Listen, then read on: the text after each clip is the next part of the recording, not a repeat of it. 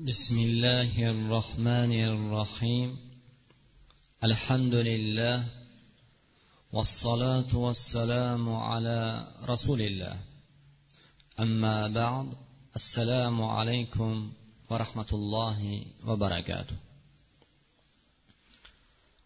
demak alloh subhanava taologa hamdi sanolar va yo'qdan bor qilib yaratib qo'ygan va alloh subhanava taolo har bir a'zolarimizni chiroyli go'zal bir holatda yaratgan zotga hamd sanolar bo'lsin. Va sizu bizlarni hidoyat topishimizga sababchi bo'lgan allohning payg'ambari muhammad sollallohu alayhi vasallamga salovatlar bo'lsin. Va hammalarimizni eng avvalo niyatlarimizni xolis qilib bugunda qilayotgan ibodatlarimizni alloh qabul qilsin va gunohlarimizga kafforat qilsin. Sizu bizlarni allohga istig'for aytib tavba qiladigan bandalar bo'lishga alloh hammalarimizga muvaffaq qilsin.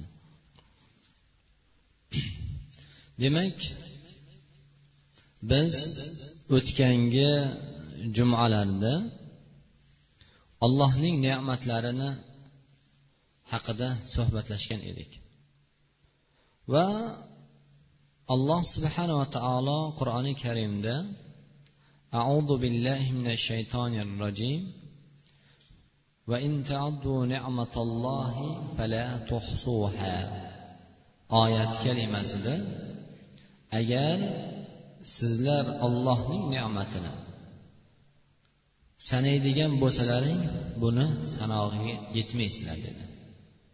Bu sanashlikda bitta odam emas balkim butun ummat butun ummat hammasi jam bo'lib yig'ilib fikrlashib bir joyga jam bo'lib ollohning ne'matini sanaydigan bo'lsa ham sanog'iga yetolmaysizlar deb ibn kafir rahmatulloh alayh tafsirda shundoq bayon qilgan ekanlar. Demak ana shu ne'matlaridan biz bittasi va bu ne'mat ulug' ekanligini bu ne'mat haqida u zotning elchisi rasululloh sollallohu alayhi vasallam o'zlari xabar qilganligi haqida suhbatlashgan edik. Bu tinchlik ya'ni bo'shlik va sog'lik degan edik. Demak alloh subhanava taolo sizu bizlarga bergan ne'mati sog'lik ne'mati va undan keyin sizu bizdan tinchligimiz xotirjamligimiz bo'shligimiz va albatta xonadonlarimizni bu o'zbekiston vatanimizni ham tinchligi xotirjamligi ne'mati sababidan azizlar birga jam bo'lib turibmiz. Va undan keyingi jumamiz demak niyat masalasida edi.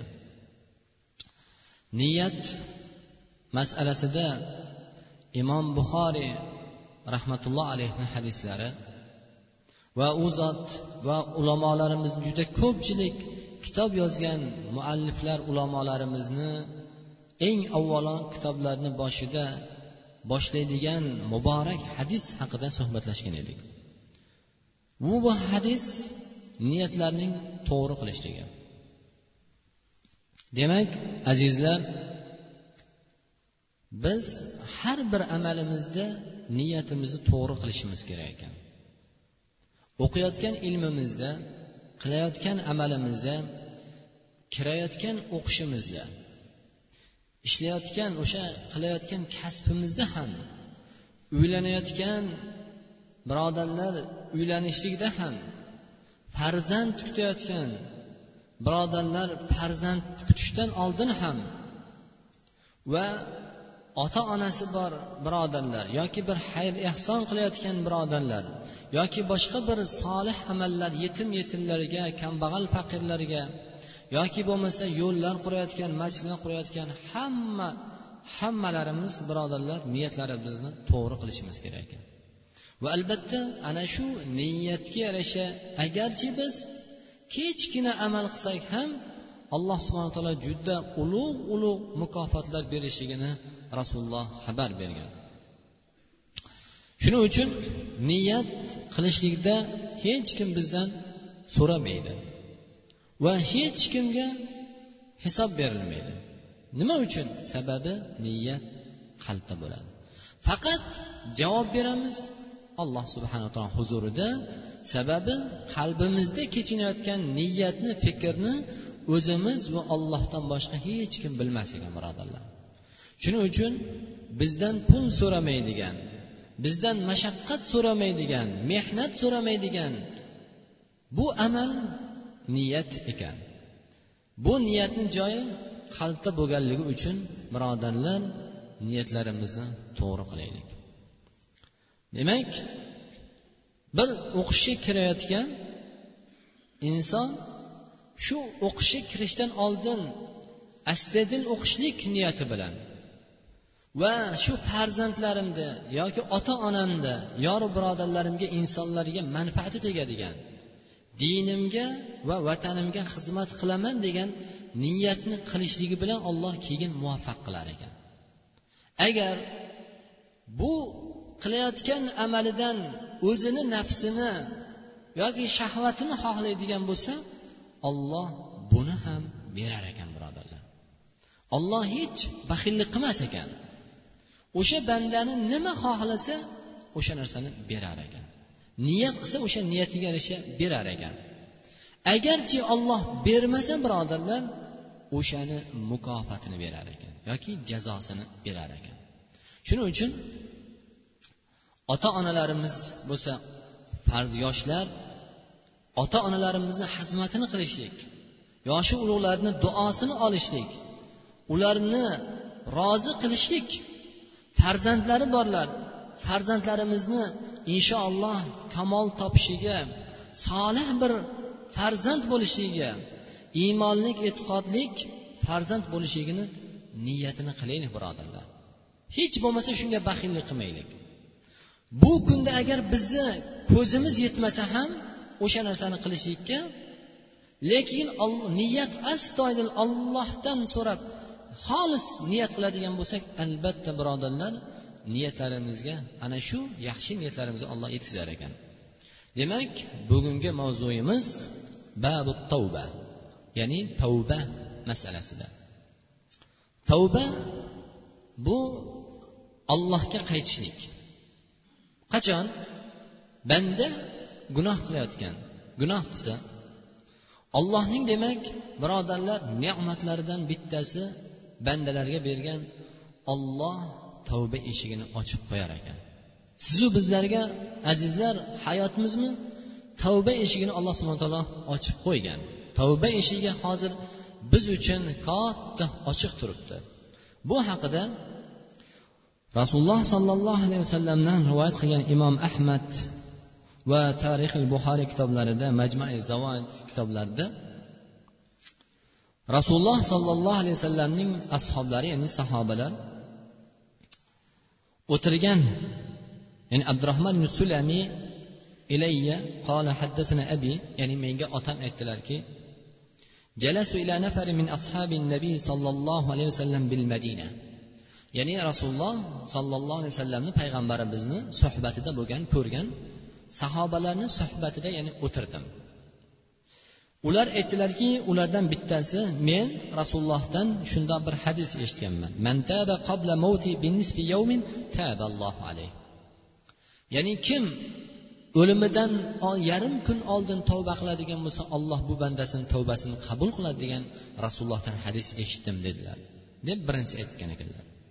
Shunda qola qultu so'ng aytdiki dedim men u haligi hadis aytgan odamga aytdim.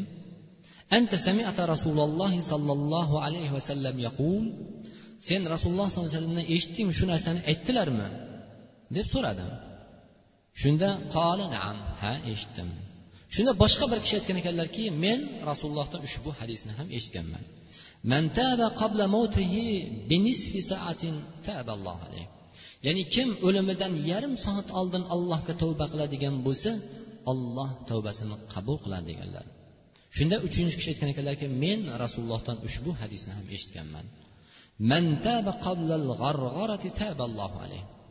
Kim o'limidan ya'ni jon chiqishidan oldin tavba qiladigan bo'lsa olloh unga qaytadi tavbasini qabul qiladi deb eshitganman degan ekan.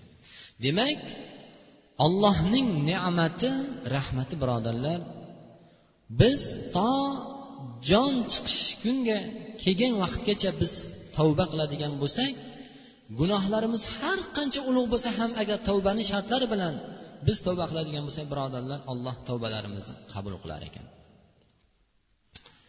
Va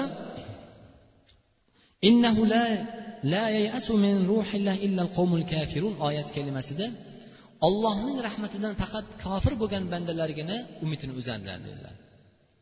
Olloh biz bandalarni buyurdiki sizlar ollohni rahmatidan umidvor ya'ni noumid bo'lmanglar. Sizlar gunoh qilib allohning huzuridagi allohning rahmatidan noumid bo'lmanglar. Gunohimni kechirarmikan? Shuncha gunoh qildim allohga endi tavba qilsam kechirarmikan degan noumid bo'lmanglar dedi. Chunki ollohning rahmatidan ollohning mag'firatidan noumid bo'lgan bandalari ya'ni illal kafirun kofir bo'lgan allohning rahmdillilik zotiga ya'ni allohni g'affar gunohlarni kechiruvchi zot ekanligiga kofir bo'lib qolar ekan. Va rasululloh sollallohu alayhi vasallam vallohi inni la atubu ilallohi taala fil yawmi mi'at marra. Olloh nomiga qasamki men ollohga har kuni yuz martabadan ya'ni tavba qilaman istig'for aytaman. Rasululloh sollallohu alayhi vasallam birodarlar payg'ambarimiz sollallohu alayhi vasallamni haqida oysha onamiz roziyallohu anhu aytadilarki sizni olloh o'tgan gunohlaringiz va kelasi gunohlarni ham rasulullohni birodarlar hali qilmagan gunohlarini ham olloh mag'firat qildilar. O'tgangi gunohlarni ham olloh kechirdilar. Lekin nima uchun rasululloh payg'ambarimiz sollallohu alayhi vasallam tavba qildilar sabab u zot ollohni ulug'lashi va allohga ollohni u zotga bergan ne'matlarni shukronasiga va ummatiga sizu bizlarga ta'lim bo'lishligi uchun. Alloh subhanava taolo qur'oni karimda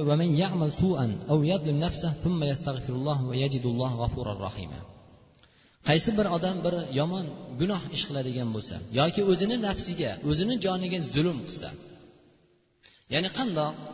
Ya'ni o'zini o'sha jahannam azobiga yoki dunyoni bir xorligiga sabab bo'ladigan bir amal qilsa yoki bir gunoh ish qiladigan bo'lsa so'ngra allohga istig'for aytsa allohga istig'for aytib tavba qiladigan bo'lsa rahima. U robbisini g'afur gunohlarni kechiruvchi zot rahmdil zot bir holatida rahmdil bir holatida robbisini topadi dedilar. Demak bir gunoh ish qilib ma'siyat bir harom olloh rozi bo'lmagan bir amalni qiladigan bo'lsak darhol tavba qilib allohga istig'for aytadigan bo'lsak yoki bir nafsimizga o'zimizni o'zimiz nafsimizga zulm qiladigan bo'lsak ana undan keyin u odam istig'for aytsa nima uchun ollohni g'afur gunohlarni kechiruvchi va rahmdil bu bandasiga rahmdil bo'lgan bir holatida topadilar deb olloh bayon qildi. Sababi istig'forni kim aytadi birodarlar? Istig'forni robbisi bor ekanligini bilgan odam istig'for aytadi shu sababdan ekan لما أحبط الله عز وجل إبليس عليه اللعنة قال بعزتك إني لا أفارق ابن آدم حتى تفارق روحه روحه جسده فقال رب تعالى وعزة وعظمتي لا أحجب التوبة عن عبدي حتى يغارغر بها alloh subhanava taolo shayton alayhi la'nani modamiki amriga itoat etmagandan keyin malun holatida allohning rahmatidan yiroq bo'lgan holatida yer yuziga tushgan vaqtida u qasam ichib aytgan ekan. Ya'ni seni ulug'liging bilan qarangki shayton o'zi ollohni la'natiga uchrab turibdi lekin ollohning ulug'ligiga iymon keltirib turibdi. Sababi ollohning bitta amriga itoat etmadi. Ana undan keyin alloh subhanava taologa bu shayton ulug'ligi bilan qasam ichyaptiki men bandalaring ya'ni bani odam odam va uning zurriyotlaridan hech qachon ajramaymanki toki ularning joni tanasidan chiqmaguncha. To dunyodan o'tmagunimizgacha birodarlar hamisha shayton bizni gunoh yo'llarga boshlar ekan. Ya'ni gunoh so'zlarni so'zlashlikka gunoh ishlarni yomon ishlarni harom ishlarni qilishlikka shayton hamisha biz bilan birga bo'lar ekan. Jasadimizdan ruhimiz chiqqandan keyin bo'ldi endi u ham bizdan ajraydi. Endi insonning jasadidan ruhi chiqqandan keyin u odam hech qanday bir amal qilishlikka qodir bo'lmaydi. Illa orqasida qoldirgan amaligina qoladi xolos. Faqol robbi taala shunda alloh subhana taolo aytgan ekanlarki ulug'ligiga va zotning jalolatiga buyukligiga qasam ichgan holatida men bandalarimga tavba eshigini hech qachon yopmayman. O'lim ularni ya'ni ruhi jasadidan chiqmaguncha. Allohni rahmati birodarlar. Har qancha shayton bizni gunoh yo'liga gunoh ish qilsak ham lekin ollohga astaydil tavbaning sharti bilan shu gunohlarimizni qilmaslik holatida tavba qiladigan bo'lsak alloh subhana taolo birodarlar gunohlarimizni qabul qilar ya'ni kechirar ekan. Gunohlarimizni mag'firat qilar ekan. Bundan ham mehribonroq bundan ham rahmdilliroq zot bormi birodarlar? Yana rasululloh sollallohu alayhi vasallam ya'ni tavbadan ya'ni gunohdan tavba qilgan banda xuddi gunoh yo'q odamdek. Demak ba'zi bir holatda bir odam gunoh ish qilgan bo'lsa yoshligidami? Oldin gunoh ish qilgan bo'lsa shu gunohni tashlab yuborgan bo'lsa orqasidan biz haliyam gapirib yuramiz. To shu odam o'tib ketgan bo'lsa ham shu odam yaxshi odam edi yaxshi amallar qilib o'tdi juda bir halol bir odam edi.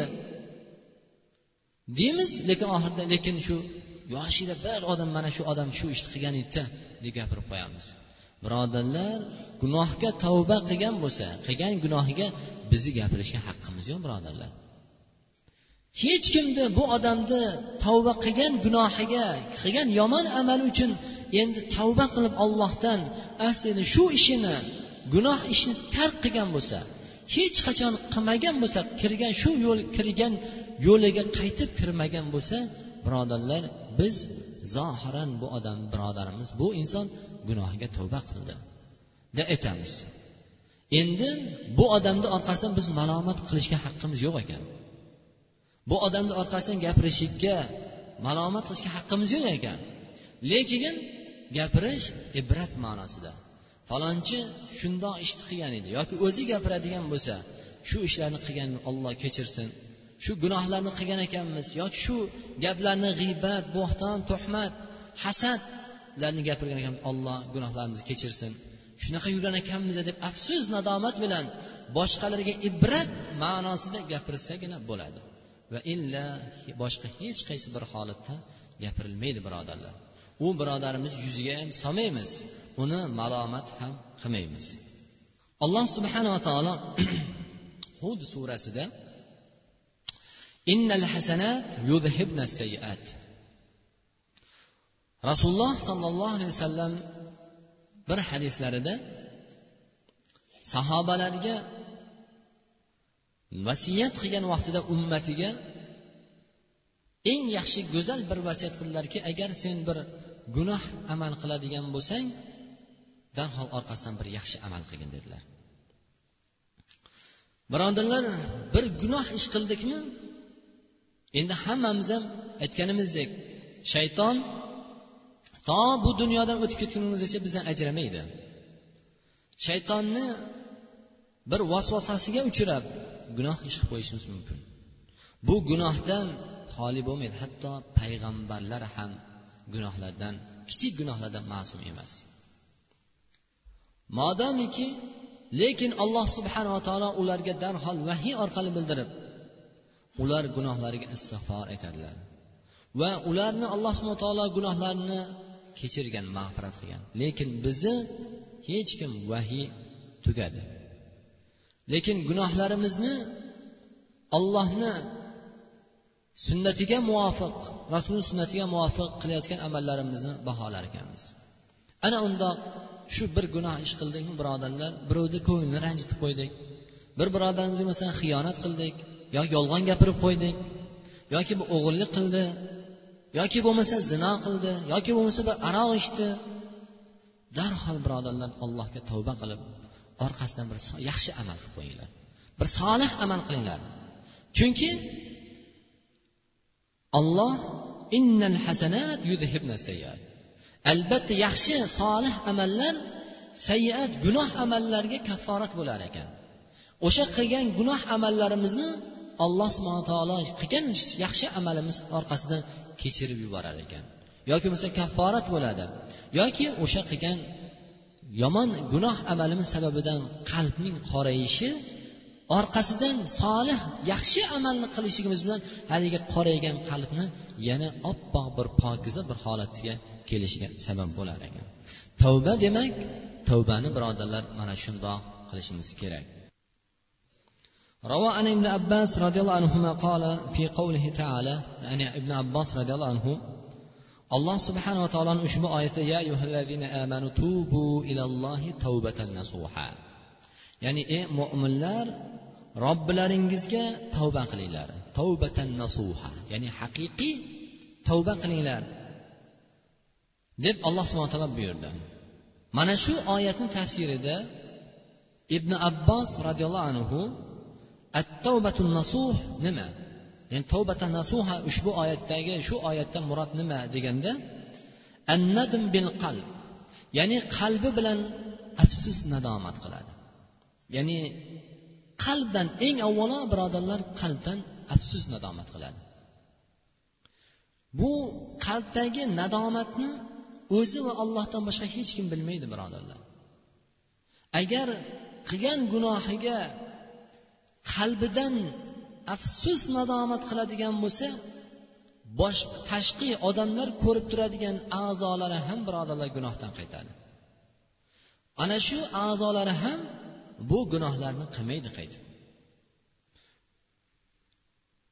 va val istig'far bil lisan va tili bilan astag'firullohal azim va atubu ilay.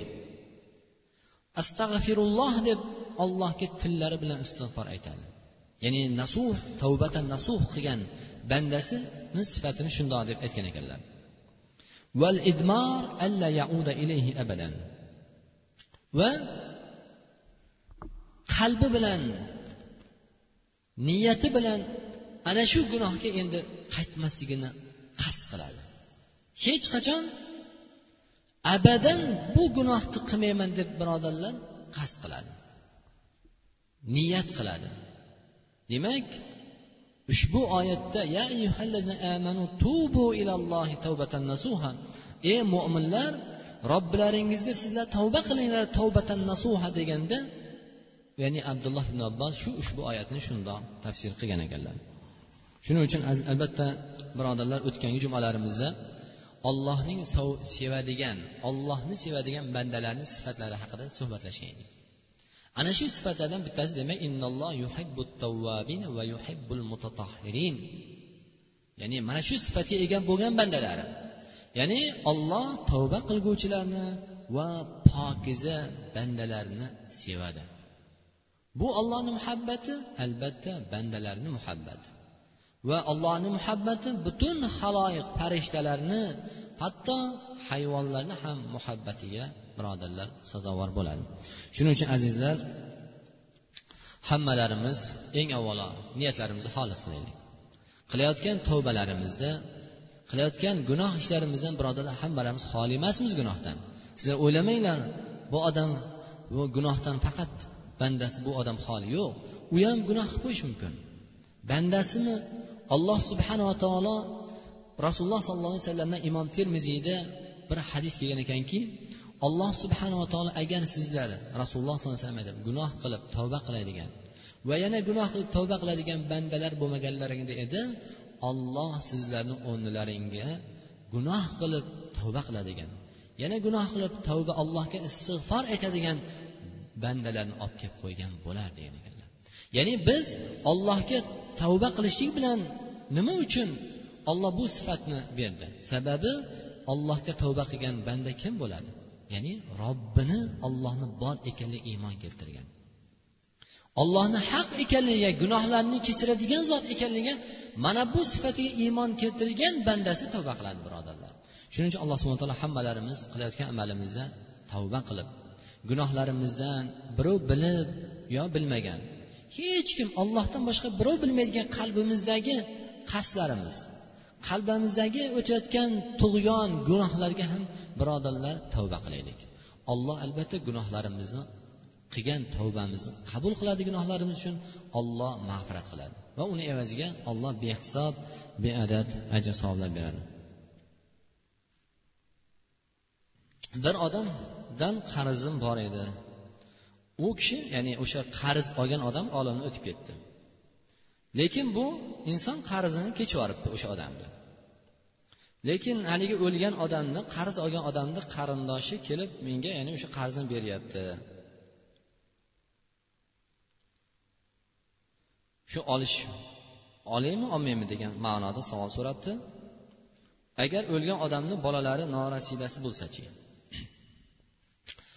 Endi azizlar har kuni allohning maloikalari farishtalar shundoq farishtalar bo'lar ekanki allohga nido qilib duo qilar ekan. Ey olloh qarz olib shu qarzini ado qilaman degan bandangni qarzini ado qilishiga olloh muvaffaq qilgin. Ya'ni oson qilgin deb duo qilar ekan bir qarz olib qarzni bermaslik niyatida o'sha egasiga qaytarmaslik niyatida yurgan odam bo'lsa olloh buni barbod qilgin deb duo qilar ekan. Lekin qarz bersayu bir odam o'sha birodari haqiqatdan qarzga muhtoj bo'lsa qaytarolmagan bo'lsa buni merosidan olinadi. O'lib ketgan bo'lsa o'sha merosxo'rlari meros bo'linmasdan turib uni qarzini qaytaradi. Lekin qarz beruvchi odam shu bergan qarzini olloh uchun kechirib yuborsa bu odamni xolis qiyomatda olaman endi ololmasligi sababidan emas ololmaganligi sababidan emas birodarlar.